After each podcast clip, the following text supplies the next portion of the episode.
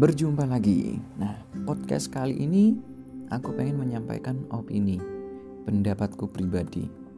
Jadi tentang introvert, apatis, atau sekedar sejenak ingin menyendiri. Nah, istilah introvert, extrovert, ambivert itu sebenarnya dikenalkan oleh Carl Jung sekitar tahun 1920. Jadi dia ini psikiater Swiss kayak gitu.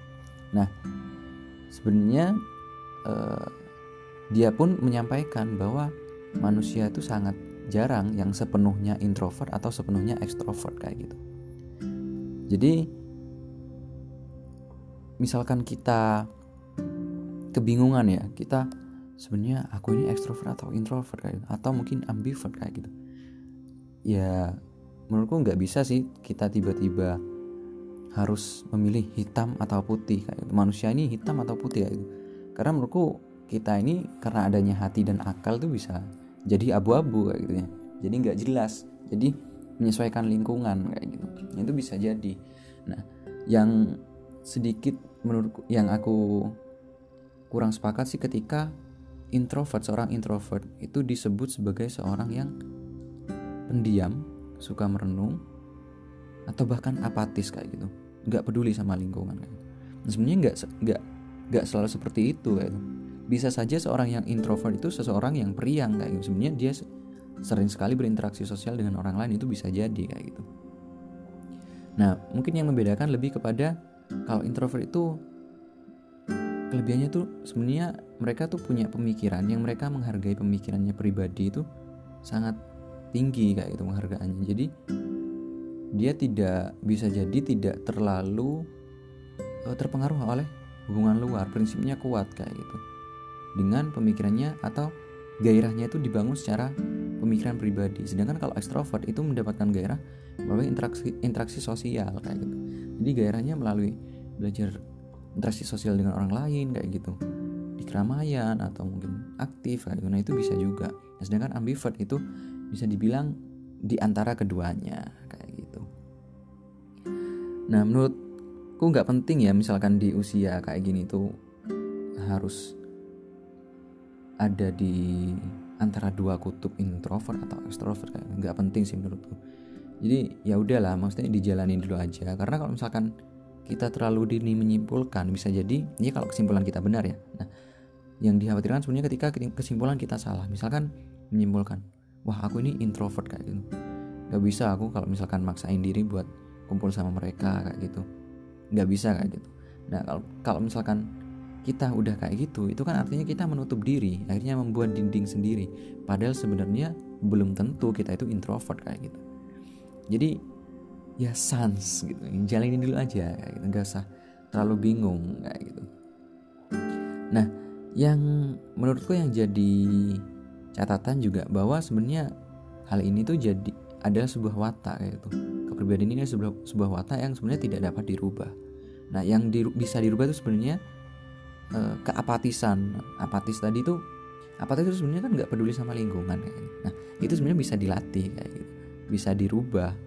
Karena itu sebagai sebuah sikap ketika kita uh, menghadapi sebuah kondisi di lingkungan dan akhirnya kita menimbulkan sebuah reaksi kayak gitu. Misalkan nih contohnya ada orang dorong motor di pinggir jalan. Kita lewat. Nah kalau misalkan bisa dilihat kayak oh kayaknya gak ada bensinnya soalnya bannya pun juga penuh anginnya kayak gitu. nah itu kan kita sebenarnya bisa nolong entah dorong motornya atau mungkin nyariin bensin bensin eceran kayak gitu. Kalau misalkan kita memang benar-benar nggak sibuk benar-benar nggak keburu sebenarnya kan itu kan punya waktu untuk menolong kayak gitu. Nah itu kan bisa dirubah. Jadi ya kalau bisa jangan apatis lah kayak gitu. Jadi kalau misalkan bodoh amat bodoh amat tuh ya juga mungkin ada bukunya juga ya. Seni bersikap bodoh amat kayak gitu. Nah sebenarnya bodoh amat itu juga perlu ketika hal-hal yang sebenarnya itu sudah mengarah ke hal negatif ya mending kita oh, bodoh amat aja. Mending aku nggak gabung agak aku nggak ikutan kan nah, itu bisa kayak gitu. Nah milih-milih lah kayak gitu. Jangan semuanya dibodoh amatin kayak gitu. Meskipun positif bodoh amat bodoh amat. Jadi kan ya gak enak lah ya kita jadi orang apatis tuh ya. Padahal sebenarnya kita makhluk sosial yang suatu saat kita juga butuh pertolongan butuh orang lain kayak gitu. Kalau misalnya kita terlalu apatis orang juga ya gak mau lah sama kita. Nah selanjutnya bisa jadi kita itu dari kondisi-kondisi itu adalah sebuah kondisi yang uh, sesekali muncul adalah keinginan untuk menyendiri gitu.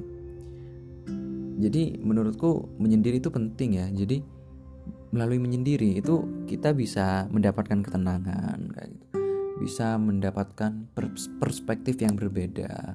Nah, di sini maksudnya jadi kayak misalkan nih, kita uh, pemain sepak bola misalkan. Ketika kita di lapangan, itu kan kita kesusahan misalkan ngelihat lawan, posisi lawan kayak gitu. Mau ngumpan ke mana kadang juga bingung. Nah, tapi ketika kita jadi penonton, kita kan lebih enak loh.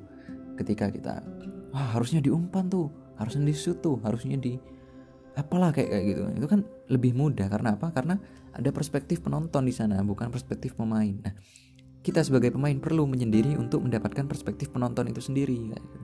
kayak memikirkan wah kalau seandainya ini aku sebagai pemain aku harusnya seperti ini seperti ini. Nah itu sebenarnya bisa diterapkan dalam kehidupan kita untuk menghadapi masalah-masalah tertentu.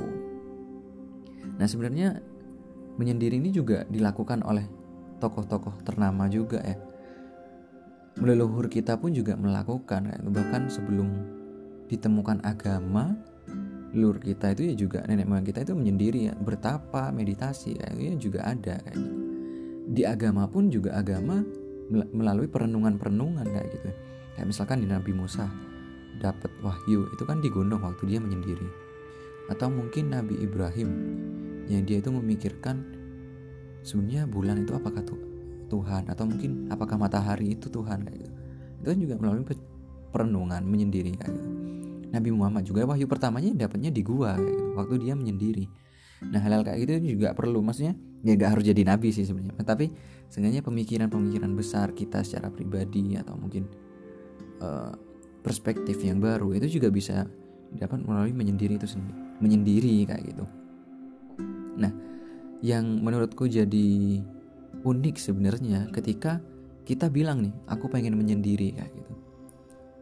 Eh tapi menyendirinya dipamerin kayak gitu di sosial media kayak gitu. Jadi itu menurutku ya, mencedir menciderai nilai dari menyendiri itu sendiri kayak gitu. Jadi ya ngapain lah kalau menyendiri ya nyendiri aja kayak gitu loh. Nikmati kayak gitu. Untuk kamu sendiri nggak perlu kamu pamerkan kalau kamu tuh menyendiri. Itu kayak caper yang kurang pas sih sebenarnya kayak gitu biar kamu kelihatan oh kamu kesepian kamu misalkan dapat perhatian kan dari orang lain. Menurutku ya nggak nggak gitu juga kayak gitu. Nah ngomong soal kesepian juga kesepian itu kan juga sebenarnya ada dua macam. Bisa karena kesepian itu karena kita kehilangan figur sosok yang istilahnya jadi teman kita keluarga atau keluarga kita yang membuat kita tuh nggak merasa sepi kayak gitu bisa juga kesepian itu datang rasa kesepian datang karena kita sendiri yang nggak berbaur kita sendiri yang menutup diri kayak gitu. Kita kurang bersosial dengan lingkungan itu bisa jadi kayak gitu. Jadi jangan jangan jangan terlalu menyimpulkan oh, aku kesepian gak ada orang gak ada teman. Kadang itu hanya mindset kita aja sebenarnya teman atau orang lain itu peduli sama kita cuman kita aja yang kurang terbuka kayak gitu. Nah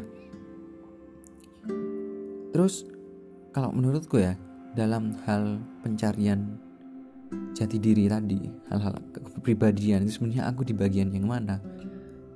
Tenang-tenanglah dalam memilihnya jangan terburu-buru. Langsung menyimpulkan wah aku kayaknya introvert. Baik lagi introvert itu kepribadian yang nggak bisa dirubah. Atau aku apatis. Nah apatis itu kan sebuah respon kita terhadap lingkungan. Jadi sebenarnya bisa kita latih kayak gitu.